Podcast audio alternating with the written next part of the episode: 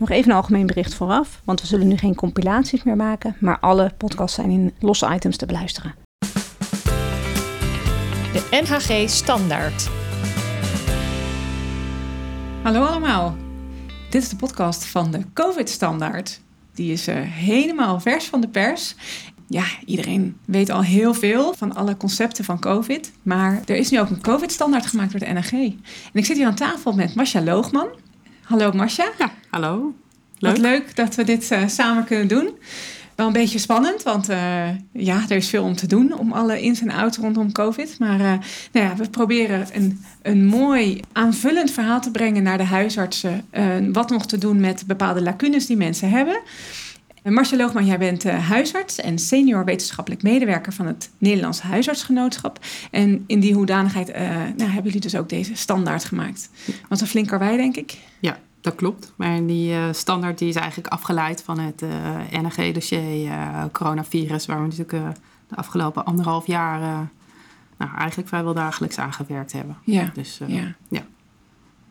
En dit is een, uh, een, een, standaard die normaal, nou ja, worden standaarden herzien na een jaar of zes, zeven, acht, uh, als er weer aanvullende dingetjes zijn. Ja. Nou, vijf jaar normaal. Ja, vijf jaar. kunnen we nu al iets over, daarover vertellen aan de luisteraar? Uh, van nou, wat, wat valt ervan te verwachten voordat ze denken, ja, dan heb je een staand document en dan verandert het weer. Hoe kunnen we dat vertrouwen? Ja, nee, van dit document weet je dat dit aan verandering onderhevig is. Uh, en uh, wat ons betreft is dit dus ook een levende richtlijn. Wat betekent uh, dat wij dit in de loop van de tijd, in ieder geval iedere drie maanden, tegen het licht gaan houden. En indien er ontwikkelingen zijn en de adviezen aangepast moeten worden, wij dat door zullen voeren in die standaard. Ja. ja. Dus dat is anders dan anders. maar dat kan niet anders met dit onderwerp. Nee. Nou, dus we weten al heel veel van COVID. En met deze podcast proberen we aan te sluiten bij de huisartsen, bij welke materie al bekend is. We zullen het gaan hebben over enkele details van de besmettelijkheid, over het beloop, over de diagnostiek en natuurlijk de medicamenteuze behandeling. Laten we het eerst hebben over de besmettelijkheid. Wat weten we daar nou over? Uh, nou, wij weten dat mensen uh, al besmettelijk zijn voordat zij klachten krijgen. Meestal zo'n 1 à 2 dagen van tevoren. Uh, de besmettelijkheid uh, neemt in de loop van de week af. Is het eerst, meest hoog in de eerste dagen. Uh, ja, dat is dus ook waarom men aanhoudt als je een week na de eerste ziektedag klachtenvrij bent, dat je dan in principe ook weer uit isolatie mag. maar er zijn mensen die langer besmettelijk zijn. En dat zijn over het algemeen de mensen die immuungecompromitteerd zijn of ernstig ziek. En daarbij houdt men dan dus ook een periode van twee weken aan. Dus uh, twee weken besmettelijk. Uh, en uh, waarbij je dan een aanzienlijke verbetering van het klinisch beeld ziet. Als mensen nog klachten hebben, dan kan het zijn dat ze nog wel besmettelijk zijn. Maar dat is afhankelijk van welke klachten er dan nog mm, zijn. ja. Ja? Want klachten als vermoeidheid of verlies van reuk of smaak, ja, dat kan langer aanwezig blijven. En dat is eigenlijk geen aanleiding om te denken dat mensen nog besmettelijk zijn. Met hoesten ligt het wat lastiger. Wij kennen natuurlijk van veel luchtweginfecties, virale luchtweginfecties, dat uh, mensen langere tijd kunnen blijven hoesten. En in het geval van COVID zegt men indien uh, twee weken na de eerste ziektedag en dan nog last van hoesten, een kuchje of iets dergelijks, maar verdere duidelijke verbetering van het klinisch beeld, dan noemen we dat postviraal. En dus twee weken na de ziekte, eerste ziektedag telt ook bijvoorbeeld hoesten niet meer mee als aanhoudende symptomen. En als iemand dan nog fors aan het hoesten is, meer dan twee weken na de eerste ziektedag? Ja, dan wordt het lastig. Um, kijk, fors hoesten met ook nog wat temperatuursverhoging of sputum of iets dergelijks, dat, uh, daar moet je dan toch wel wat voorzichtiger mee zijn. Ja, ja. ja. En volgens mij vermeldt de standaard of een eerder dossier um, uh, een forse vermindering van hoestklachten binnen 24 uur, dat je dan eigenlijk uh, waarschijnlijk niet meer besmettelijk bent. Ja, klopt. ja. ja. Ja, kijk, en uh, dit is altijd een beetje lastig. lastig maar ja. Uh, uh, ja. in principe zijn er, als je kijkt naar uh, load en afname van besmettelijkheid, zie je dat na een week dus al afnemen. Ja. Gewoon immuuncompetente mensen, dus gezonde personen, twee weken na de eerste ziektedag, ja, dan is de kans op transmissie echt wel heel erg klein geworden. Ja. kijk, de echt zieke mensen die liggen dan misschien nog in het ziekenhuis. En dat is een volledig andere casus dan wat wij in de eerste lijn zien. Ja, ja en je zegt dus uh, uh, mensen die immuun gecompromitteerd zijn en de echt zieke COVID-patiënten. Uh, die hebben in totaal twee weken besmettelijkheid. Ja, twee weken. En bij echt ernstig immuungecompromitteerden houdt men soms wel langer aan. Hm. Um, maar dat zijn nogmaals vaak de mensen die in het ziekenhuis liggen. En dat zijn ook vaak de mensen die de COVID niet klaren. Die dus dan nog met problemen of klachten uh, opgenomen zijn. Ja, helder. Dan gaan we van de besmettelijkheid naar het klinisch beeld. Nou, ik kan mezelf nog heel goed herinneren dat uh, heel vroeg in de pandemie, er was nog heel weinig eigenlijk over bekend. Dat zelfs COVID-patiënten mij kwamen vertellen dat minder geur er ook bij hoorde. En ja, toen wist ik nog van niks. En de dag later dan kwam het alweer in de, nou ja, in de dossiers en in de, in de media. Ja. Dus uh, nou ja, ik vond dat je nogal achter kon lopen op je patiënten. Nou ja, ondertussen kennen we het natuurlijk allemaal. Maar toch nog even in herhaling. Wat past er nu bij het klinisch beeld? Uh, nou, de hoofdsymptomen, zoals ik dat dan maar zie, is hoesten, koorts, verkoudheidsklachten, dus uh, klachten passend bij een bovenste luchtweginfectie, uh, benauwdheid. En er is in de loop der tijd inderdaad verlies van reuk of smaak aan toegevoegd. Dat stond er niet vanaf het begin nee, af aan nee. bij. Ja, en daarnaast kan je dus een enorm scala aan andere klachten ook zien bij COVID. Dat varieert van vermoeidheid, pijn, hoofdpijn, spierklachten, huiduitslag, van alles en nog wat, buikklachten. Maar de hoofdsymptomen zijn zoals ik die net uh, genoemd heb. Ja. ja. Ik vond dat ernstige COVID-patiënten zich ook uh, dus niet per se met die benauwdheid toonden, maar ja. dan echt uh, extreem moe en lusteloos. Ja. Niet meer wilden drinken en gewoon maar lagen. Ja. En dan bleek dus dat ze een enorm lage saturatie hadden. Ja, vaak is dat een relatie met de saturatie inderdaad. Ja, ja dat, ik denk dat dat wel uh, het beeld is zoals we de COVID hebben leren kennen. Ja, en ook ja. denk ik wel nieuw voor uh, de meeste collega's ja. dat, uh, dat zich dit op deze manier presenteert. Ja. Is dat ook een soort van bijna pathognomisch te noemen voor het ziektebeeld? Of dat is misschien niet het geval? Ja, dat denk ik wel. Hè. Die stille hypoxemie dat is toch wel iets wat ik voorheen als praktiserend huisarts... Nee. een term die ik zelf niet kende. Nee, nee. Dus ja. Dan nog even over die huidafwijkingen. Ja, ja die, de, de, de, COVID-tenen onder andere. Ja. Is daar al meer over bekend? Hoe komt dat en wat kan je eraan doen? Ik weet het niet. Nee. Nee, ik weet dat het voorkomt. Uh, exanthemen, urticaria, maar ook uh, een beeld wat lijkt op uh, wintertenen. Ja. En dat beeld dat kan zowel in aanloop naar de COVID tijdens als erna ontstaan. Het is, hoeft ook niet eens altijd direct een signaal te zijn om iemand op COVID te gaan testen. Nee, nee. Het kan best zijn dat het nooit heel anders komt of de COVID al voorbij is. Um, maar er lijkt wel een relatie te zitten. Maar hoe dat nou uh, precies, wat er fysiologisch zit, nee. durf ik je niet te zeggen. Ja. En jullie vermelden ook nog in de standaard dat ouderen een ja, wat minder typische presentatie hebben. Dus ja. dat is goed om van uh, bewust te zijn. Ja, ik denk dat veel collega's dat ook wel gezien hebben. Dat uh, ouderen zich kunnen presenteren met vallen of met een uh, delier of uh, ja. Ja. achteruitgang. En vervolgens blijkt dat iemand inderdaad COVID-positief is. Ja. ja, hoeveel mensen wel niet hebben gemist die eerste ronde. Dat die dat denk ik. niet getest werden. Want ja, ja dat hebben we überhaupt natuurlijk in de eerste lijn, in de eerste golf, bijna niet getest. Uh, maar van sommigen nam je het echt aan. Maar dit soort mensen die kwamen dan in het ziekenhuis. En als ze dan wel getest werden, dan was ja. het ineens toch onverwachts ja, positief. Precies. Ja, ja dan kwam je daar dus achter. Ja. En dan gaan we van het klinisch beeld naar het beloop. Een bifasisch ziektebeeld heb je het over. Ja, ja kan hè? Kan. ja. Ja, ja dus uh, je ziet, uh, de eerste is natuurlijk de milde fase van meestal uh, rond een week, 7 tot 10 dagen, waarbij de klachten vooral veroorzaakt worden door het viraal effect. En ja, de meeste mensen klaren het en dan knap je op. En als je het, het, virus dus niet klaart, ja, dan kan het zijn dat je in de zogenaamde tweede fase terechtkomt, waarin mensen verslechteren. en dan zie je vaak zo'n kantelpunt na 7 tot 10 dagen met uh, toenemende malaise, uh, benauwdheid en uh, ja, soms ook dalende saturaties. en dat is wat je dus bifasisch noemt. Ja. ja. En is die tweede fase het niet goed kunnen klaren, is dan, komt dan eigenlijk de klacht door een overdaad van het eigen immuunsysteem? de gedachte, maar dat is ook wel aangetoond, dat er een soort hyperinflammatie ontstaat in de tweede fase. En dat dat uh, de problemen veroorzaakt uh, Hm. die je dan ziet. Hm. En dat is ook wel waar de behandeling natuurlijk, uh, de eventuele medicamenteuze behandeling op, op, gericht is. En wat waren jullie cijfers die je nog noemt in de, in de standaard?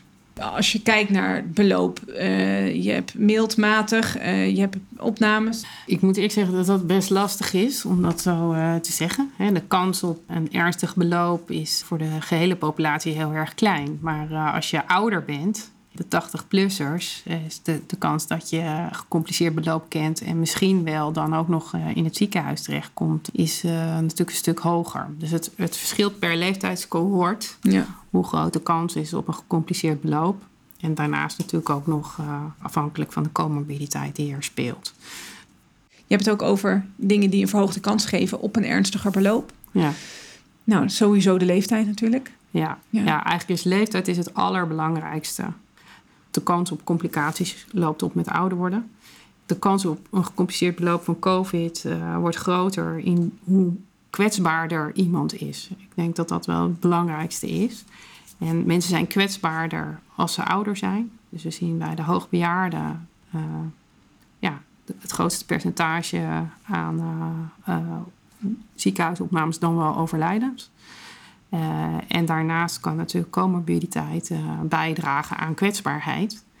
En daarbij zie je dan dat er een aantal groepen uitspringen die uh, met name een hogere kans hebben op complicaties. Dus dat zijn de mensen met ernstig nierfalen, ernstige longproblemen en ernstig hartfalen. En dan daaronder heb je nog een groep waarbij je ziet dat de kans op complicatie wel verhoogd is, maar niet zo hoog als bij uh, de ernstig aangedane mensen. Ja, ja. Dat zijn denk ik de groepen die iedereen uh, wel kent. De mensen met uh, hart- en vaatziekten, diabetes, uh, COPD, afweerstoornissen, morbide obesitas. Nou, ja. die groepen. Maar die hebben de, als je enkel dat hebt en je bent wat jonger, is de kans op een gecompliceerd beloop lager dan bij hoogbejaarden of mensen met ernstige, echt ernstige comorbiditeit. Ja. Er was eerder ook al eens besproken in een podcast dat hypertensie niet per se een, een kans op een ernstiger beloop geeft. Het zal zitten in als je enkel hypertensie hebt, maar je bent uh, verder goed gezond. Ja. Uh, ja. Dan zal uh, dat de kans Ja. op een gecompliceerd van beloop van COVID niet enorm verhogen. Nee, nee. Ja. maakt niet heel kwetsbaar. Nee. nee. Speelt etniciteit daar nog een rol in? Uh, nou, we hebben allemaal het gevoel van wel. Alleen, uh, ja, als je de huisartsen uit de achterstandswijken vraagt, dan, uh, um, dan zie je gewoon dat uh, men daar best wel wat problemen heeft gezien. Alleen, we hebben nog geen harde data op basis waarvan we kunnen zeggen van, nou, deze etniciteit leidt tot een hogere kans op complicaties. ja, misschien dat dat in de loop der tijd wel duidelijk gaat worden, maar op dit moment hebben we daarover nog geen advies in de richtlijnen al op kunnen nemen. Hm. En nou zijn qua complicaties zijn de respiratoire en de tromboembolische complicaties, die zijn natuurlijk bekend. Ja. Daarbuiten zijn er nog meer complicaties, wat minder bekende. Uh, nou, kijk, je, de, ik denk dat uh, de neurologische problemen wel be, bekend zijn. Hè? Verminderde reuk of smaak, dat zijn uh, Ja. de perifere neurologische klachten. Uh, maar ook ten gevolge van die tromboembolieën kan je natuurlijk ook een CVA of een ander uh, probleem uh, ontwikkelen. En door de hyperinflammatie kunnen zich natuurlijk ook allerlei problemen ontwikkelen. Of door een sepsis. Maar ja, goed, dan is het een wordt het gevolg van, een ander, Ja. van het ander. Dus uh, ja, op die manier. We zien wereldwijd niet hele grote neurologische problemen in grote groepen. Er worden wel natuurlijk long-covid-problemen met brain fog en verminderde Hm. concentratie of dat soort dingen. Wat is er bekend over COVID en de zwangerschap? Op dit moment zegt men, uh, dit leidt niet tot aangeboren afwijkingen bij een kind. Ja, zwangeren lopen wel een iets hoger risico op complicaties. Alhoewel de kans klein is. En dan zie je dat vooral bij zwangeren in het laatste trimester van de zwangerschap. En ja, hoogstwaarschijnlijk wordt dat vooral veroorzaakt door uh, dat je toch minder ventileert door de dikke buik. Dus als dat mechanisch uh, is. Ja. Uh, Dus ja, men Maar verder lijkt het geen rol te spelen. Voor het ongeboren kind niet en voor... eh, Voor het ongeboren kind niet. Nee. Nee. En ja, je bent met zwanger natuurlijk wel wat voorzichtiger. Maar dat ben je eigenlijk met zwangeren altijd wel. Ook bij luchtweginfecties. Ja. En de kinderen zelf, ehm, de geboren kinderen. Aanvankelijk was natuurlijk het idee van, nou, die, eh, die spelen geen rol in de verspreiding en die hebben er helemaal geen last Ja. van. Weinig in ieder geval, in eerste instantie. Ja. ja.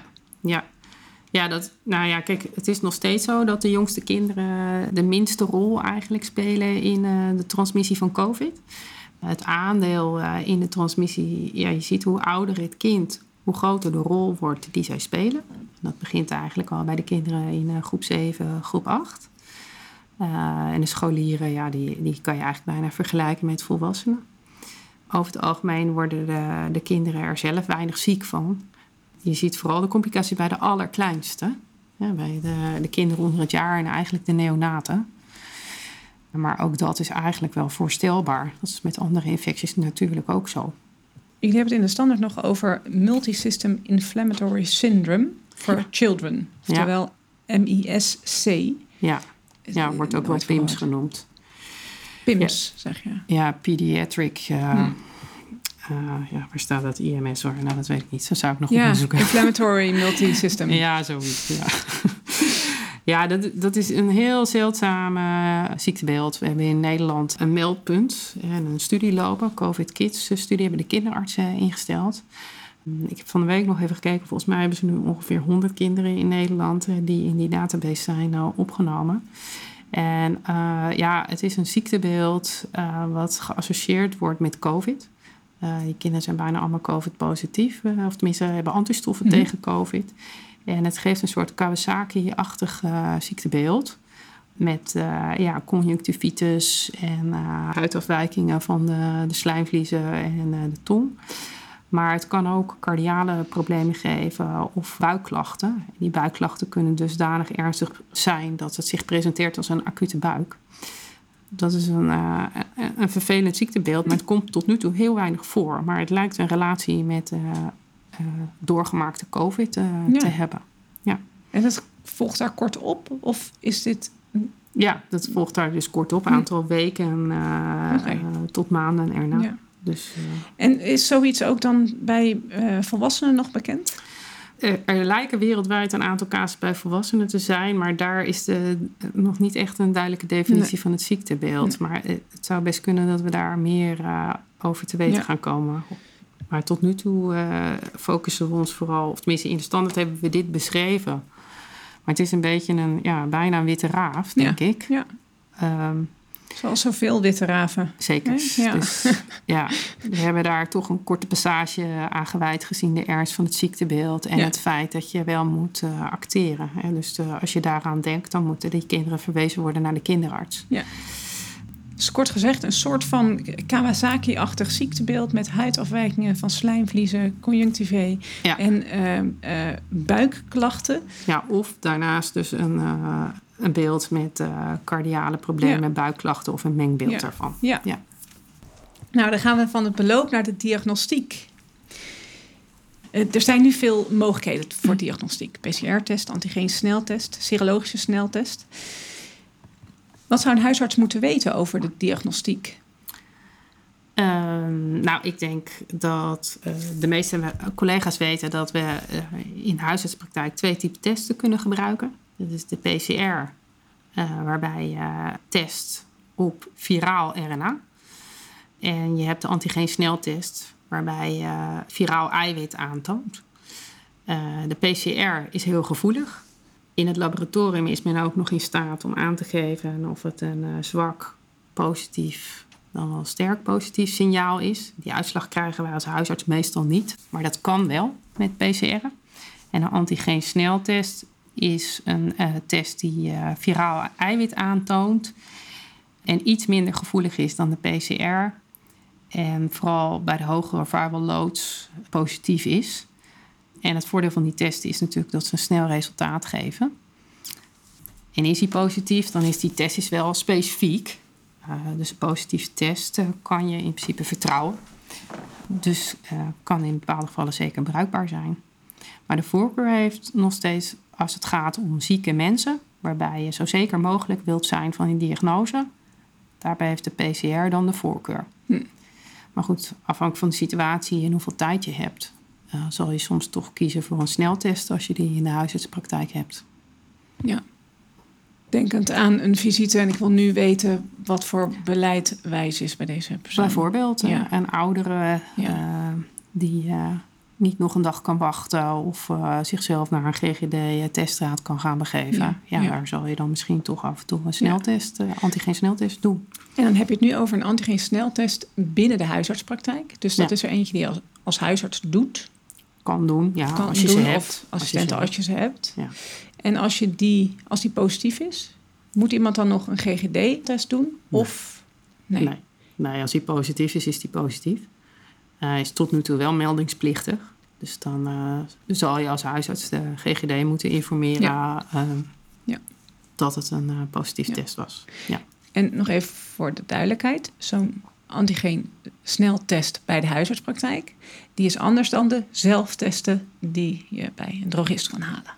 Ja en nee. Eh, De zelftesten zijn in principe ook antigeen-sneltesten. Alleen daar zitten vaak, omdat het zelftesten zijn, kortere staafjes bij. Dan neemt men dus vanuit het midden van de neus materiaal af. Die zelftesten zijn bedoeld voor eigenlijk preventief gebruik bij personen zonder klachten. En het landelijk advies is tot nu toe als mensen klachten hebben en je wilt een betrouwbare test doen, om je dan tot een zorgverlener, GGD, dan wel huisarts, afhankelijk van Ja. de situatie te wenden. Ja. Ja. En de diagnostiek naar de doorgemaakte COVID. Ja, je bedoelt de serologie. Ja, Ja. ja, die doen wij natuurlijk niet zo vaak nee, in de huisartsenpraktijk. wordt wel vaak gevraagd. Wordt wel vaak gevraagd. Eh, zeker in het kader van eh, moet ik mij eh, één of twee keer laten vaccineren Ja. of eh, kan ik een bewijs krijgen zodat ik op vakantie eh, kan. Medisch inhoudelijk gezien is het eh, eh, bepalen van eh, antistoffen op COVID eh, vaak maar weinig meerwaarde. Mhm. Je maakt antistoffen aan zo'n 14 dagen na de eerste ziektedag. We denken dat het ongeveer eh, optimaal is na een week of vier, de antistofvorming. Ja, en indien daar reden toe is, dan eh, ja, zou je dat rond die tijd natuurlijk kunnen bepalen. Eh, de titers worden in de loop der eh, tijd waarschijnlijk ook wel weer lager. Maar ja, medisch inhoudelijk heeft het vaak niet zo heel veel eh, Nee. meerwaarde. Oké. Stel, we hebben een patiënt met COVID. Hm. Wat is er nou van belang om die patiënt mee te geven naar huis in de voorlichting? Dus ik denk dat je mensen moet instrueren dat als er verslechtering optreedt, meestal rond een week, zeven tot acht dagen, eh, dat, ze dat, eh, dat ze daarmee contact op moeten nemen, actief contact op moeten nemen met een dokter. En eh, die achteruitgang die kenmerkt zich dan natuurlijk vooral door vermoeidheid, eh, korte ademigheid, beperkte inspanningstolerantie, maar ook andere klachten of als er twijfels zijn, dat mensen bellen. En je zou natuurlijk in bepaalde gevallen zelf proactief Ja. contact op kunnen nemen Ja. met deze patiënten. Dan gaan we naar het medicamenteuze deel van deze standaard. Ja, We beginnen eerst met de symptoombestrijding van de griepachtige klachten. ja. Aanvankelijk was er nog een beetje twijfel over ibuprofen en dat dat toch ook een eh, nou ja, eh, slechte invloed had op het herstel op, van corona. ja. Wat is nu jullie advies daarin? Eh, nou, kijk, er is altijd eh, de gedachte bij virale infecties dat NSAID's mogelijk een negatief effect kunnen hebben. Dus vanuit die gedachte is in eerste instantie ook gezegd: adviseer zoals altijd eh, bij pijnklachten of ongemak zo nodig paracetamol. Ondertussen is er meer evidence over NSAID's. Dat men zegt van ja, we zien eigenlijk geen groot nadelig effect van NSAID's in het eh, geval dat er sprake is van COVID. Eh, dus ja, als tweede keus zouden ook NSAID's gebruikt kunnen worden. En dat is eigenlijk weer conform die NAG-standaard pijn. En bij een bijkomende pneumonie wordt amoxicilline geadviseerd zoals bij de standaard hoesten. En Ja. er was dan ook over de dosering wat, wat wisselende gedachten. Ja. Normaal drie keer 500. En- Ja. Ja, ik dacht misschien is het wel handig om nog één stap terug eh, te gaan. Bij een pneumonie weten we natuurlijk heel vaak niet of het eh, eh, een COVID-pneumonie is of een bacteriële pneumonie. Dat maakt het gelijk ook lastig. In het geval van COVID heeft antibiotica eigenlijk weinig zin. Hm. Alleen omdat je vaak met de twijfel zit, is er sprake van een bacterieel superinfect, dan wel een bacteriële pneumonie. Uh, zal je in een gedeelte van de gevallen toch antibiotica starten. En als je dan antibiotica start, dan is het advies amoxicilline. En in de oude standaard, die ondertussen al echt verouderd is, van acuut hoesten, staat drie keer daags 500 milligram. En ondertussen is er een uh, uh, richtlijn voor de tweede lijn gekomen, waarin een hogere dosering staat. En die heeft in het afgelopen jaar wat onrust gegeven, omdat dat niet aansluit. En na overleg met de SWAP zijn we erop uitgekomen dat we het voor de huisartspraktijk houden bij drie keer daags 500 milligram, omdat dat in principe goed werkt. Er ook geen evidence is dat drie keer 750 beter werkt. En omdat men in de tweede lijn toch een andere populatie heeft dan de eerste lijn, namelijk de meer ernstige pneumonieën of mensen die van IV overgaan op oraal, zal men daar nog in eerste instantie drie keer 750 geven. Hm. Laagmoleculair heparine. Uh, wanneer wordt dat profilactisch geadviseerd? Nou, we adviseren in de standaard om uh, patiënten met uh, COVID die bedlegerig zijn, dus langer dan drie dagen en in de voorgeschiedenis tromboembolieën hebben of een actieve maligniteit te behandelen. En start eigenlijk altijd met heparine bij patiënten die zuurstofbehoeftig zijn en met zuurstof behandeld gaan worden. Wanneer beschouwen jullie in de standaard iemand als zuurstofbehoeftig? Ik denk dat je moet zeggen wanneer uh, ga je iemand met zuurstofbehoefte, verhoogde zuurstofbehoefte verwijzen. Uh, en daarbij houden we aan een saturatie onder de 92 tot 94 procent. Als het mensen zonder COPD betreft. He, want COPD'ers zitten soms natuurlijk al wat lager. Ja, en dat is natuurlijk ook afhankelijk van de rest van het klinisch beeld. En het kan natuurlijk ook zo zijn dat iemand die, uh, waar je saturatie in rust meet, maar die enorme diepe saturaties heeft bij bijvoorbeeld lopen van een paar stappen naar het toilet, kan natuurlijk het complete plaatje maken dat je die patiënt toch verwijst. Ja. ja. dat is ook een goede tijdens de visite om toch zo iemand even uit, uh, uit de bank te vragen. Nou, ga het eens doen met de saturatiemeter om de vinger. Ja. Krijg je al een veel beter beeld. Ja, dat, hebben we als, dat hebben we niet uh, in de standaard uh, opgenomen hè, als mhm. criterium. Mm -hmm. Dat is ook vrij moeilijk. Mm -hmm. maar dat kan soms wel aanvullende informatie natuurlijk geven. Van, op het moment dat je twijfelt. Ja, op het moment dat je twijfelt. Of uh, waarom gaat het nou niet? Of, ja. ja. Dan de dexamethason. Hoe zet je dat als huisarts in? Ja, het advies is om dat uh, te starten bij zuurstofbehoeftige COVID-patiënten. Dat zal dus alleen uh, ingezet worden bij patiënten die je niet meer op laat nemen.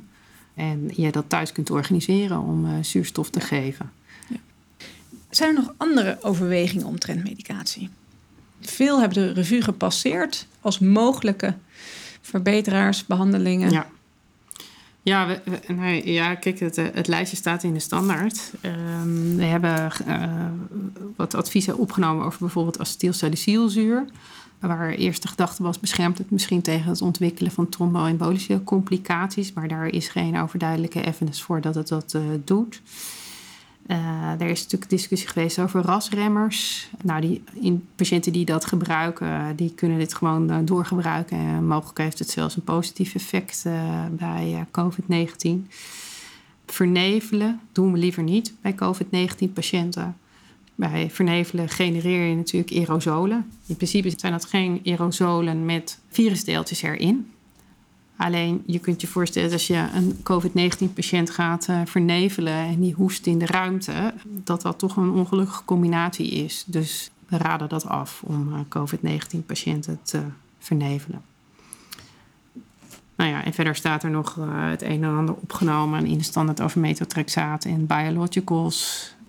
Die hoef je in principe niet uh, te staken, maar uh, kan natuurlijk wel afhankelijk van de situatie of de vraag uh, overleggen met een behandelaar in de tweede lijn nodig zijn.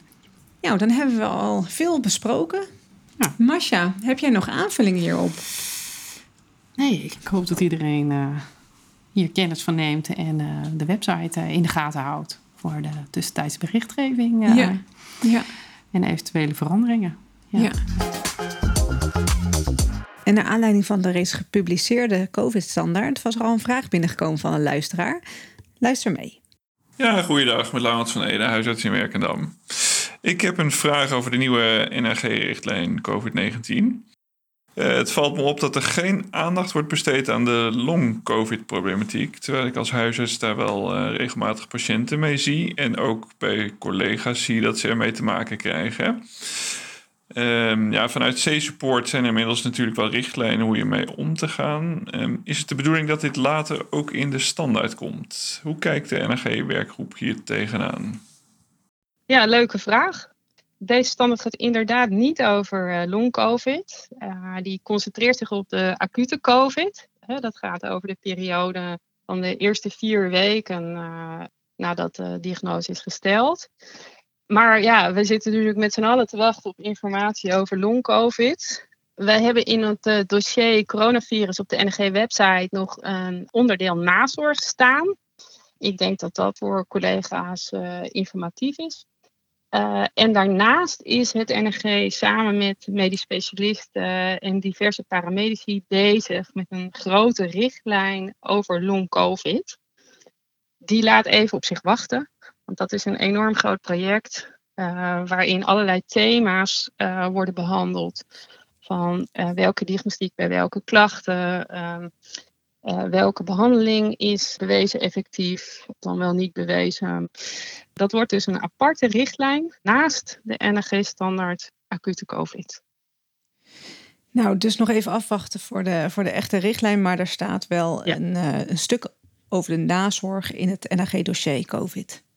Ja, dat staat er nog in. Dat is misschien wel aardig, want uh, we hebben natuurlijk uh, de medische inhoudelijke informatie over acute COVID uit het dossier gehaald en in deze NG-standaard gezet. Uh, maar er staan nog diverse andere thema's, zijn nog steeds in het dossier te lezen, zoals infectiepreventie, organisatie van zorg, maar dus ook een gedeelte over nazorg, waar natuurlijk non-COVID onder valt. Ja, en misschien los van het NAG en meer onder, dat valt meer onder de vergoedingen. Uh, de vraagstellende huisarts vertelde ook nog dat uh, inderdaad die zorg echt verruimd is uh, binnen het basispakket hè, van de, de paramedische zorg voor fysiotherapie, ergotherapie, logopedie, diëtiek voor mensen met long COVID. Dus dat je ook echt wel langere paramedische hulp daarin kunnen krijgen. Dat is misschien nog wel leuk om te weten, maar ja, dat is nu zo en je weet ook niet ja, hoe dat weer gaat veranderen. Ja, dat klopt inderdaad. Die vergoeding voor die herstelzorg, dat is inderdaad recent uh, verlengd. Ja. Uh, dus ja, ik denk dat dat een goede zaak is en uh, hopelijk blijvend. Ja, ja. ja. Nou, Marcia, nogmaals heel erg bedankt voor het opnemen van de standaard ja. en deze aanvullende vraag. misschien ja, komen er nog meer vragen en zit ik wellicht wekelijks met je aan de telefoon. nou, dit was de podcast over de COVID-standaard.